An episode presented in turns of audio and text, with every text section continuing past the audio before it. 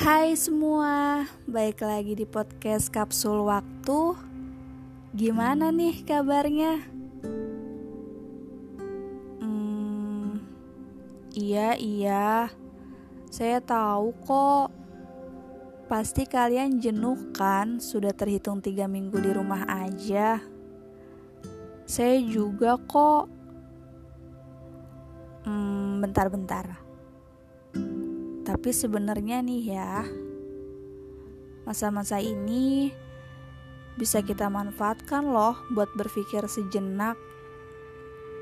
Selama ini kalian terlalu sibuk kan dengan kerja pagi, pulang sore, bahkan mungkin ada yang baru sampai rumah malam hari boro-boro untuk berpikir sesuatu di luar pekerjaan.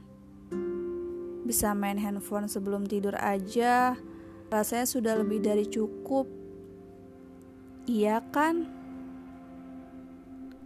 Kalau weekend pun maunya refreshing. Entah hanya sekedar hangout sama temen atau bahkan tidur seharian di rumah. Setiap hari berulang seperti itu, sampai kadang kita lupa sebenarnya selama ini yang kita lakukan itu untuk apa sih? Kegiatan yang monoton ini mau dibawa ke mana nantinya? Apakah akan melakukan hal ini sampai tua nanti? Atau atau sebenarnya pengen berkembang, tapi belum sempat berpikir, apalagi menyusun planning. Nah, masa-masa ini bisa kalian manfaatkan untuk itu, dan harusnya saya juga bisa memanfaatkan masa-masa ini apalagi yang mungkin nasibnya sama seperti saya, harus mendadak off dari pekerjaan. Karena saya hanya kerja sebagai karyawan suatu lembaga di rumahan. Yang terpaksa harus off sampai nggak tahu kapan waktunya selesai. Bisnis yang baru saya bangun pun terpaksa harus diundur karena nggak mungkin dong saya launching di tengah wabah seperti ini. Jujur aja, saya juga sempat stres karena bingung harus nyari pemasukan dari mana. Hmm, tapi untungnya nih ya, pertama kali dapat kabar harus off dari pekerjaan, pas banget saya habis gajian.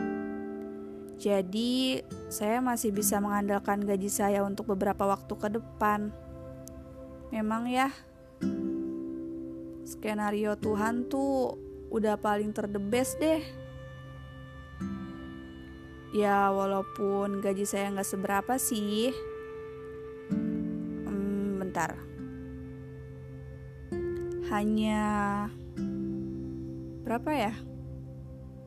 Seperempat UMR. Iya, cuma segitu. Tapi alhamdulillah sih. Udah-udah, gak usah dibayangin. Biar saya aja yang stres. Tapi gak apa-apa. Di tengah peliknya hidup ini, ibu saya selalu memberi saran untuk selalu bersyukur dan selalu melihat dari sisi yang positif ya walaupun tetap aja sih saya hanya manusia biasa yang tidak bisa melawan keinginan untuk sekedar mengeluh. Karena khawatir jika ditahan. Takut meledak dengan cara yang tidak diduga-duga. Iya nanti larinya ke mental. Kalian pasti pernah dong dengar itu lain waktu saya akan bahas tentang kesehatan mental deh. Tapi nanti ya, kalau sudah bertemu dengan yang ahlinya. Takut salah bicara. Oke, oke.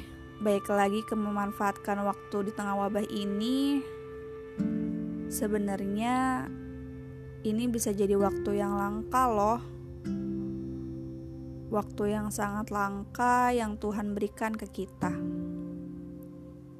kita dikasih kesempatan untuk menyusun planning hidup kita beberapa tahun ke depan. Yang mau bisnis bisa mulai dirancang. Yang sudah berbisnis juga bisa evaluasi lebih detail lagi agar ke depannya bisa lebih berkembang. Bahkan yang kerja kantoran pun bisa menyusun planning ke depannya akan mau berkembangnya seperti apa. Ya nggak sih? Atau yang masih sekolah, kuliah, juga bisa berpikir sejenak. Kelak kalian mau membawa masa depan kalian ke mana? Gak ada salahnya kan sejenak berpikir. Selama ini kalian punya waktu selowong ini gak sih untuk mikirin hal-hal kayak gini? Kalau saya, saya jujur aja enggak. Bukan karena saya orang yang sibuk banget.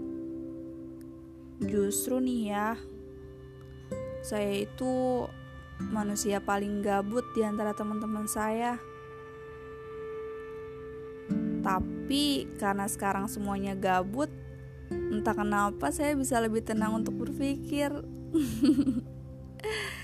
ah, manusia memang tidak luput dari rasa iri. Iya, kadang saya terperangkap sendiri dengan rasa iri. Bahkan hanya sekedar iri pengen sibuk juga. Akhirnya malah sibuk sama isi kepala sendiri. Hmm, jadi udah kepikiran belum mau melakukan apa ke depannya? Jangan sampai setelah wabah COVID-19 ini selesai, kalian justru bingung mau ngapain, dan akhirnya sekedar balik ke rutinitas sebelumnya. Lalu, kalau begitu, untuk apa kalian mengeluh selama tiga minggu? Bahkan lebih ya, karena kita nggak tahu sampai kapan semua ini selesai. Ada banyak manusia loh yang sudah menyusun planning dan siap berlari kencang ketika COVID-19 ini musnah. Kalau saya, saya nggak mau lagi ada di posisi ini. Posisi di mana akhirnya saya sibuk dengan isi kepala saya sendiri karena tidak bisa melawan rasa iri melihat orang lain sibuk sedangkan saya begini-gini aja. Saya nggak mau kayak gitu lagi. Nggak usah takut planningnya gagal. Lagi pula kalian bisa bikin planning A, planning B, C, D, atau bahkan sampai Z. Tenang saja, akan selalu ada jalan kok. Asal kita mau berusaha dan memulai.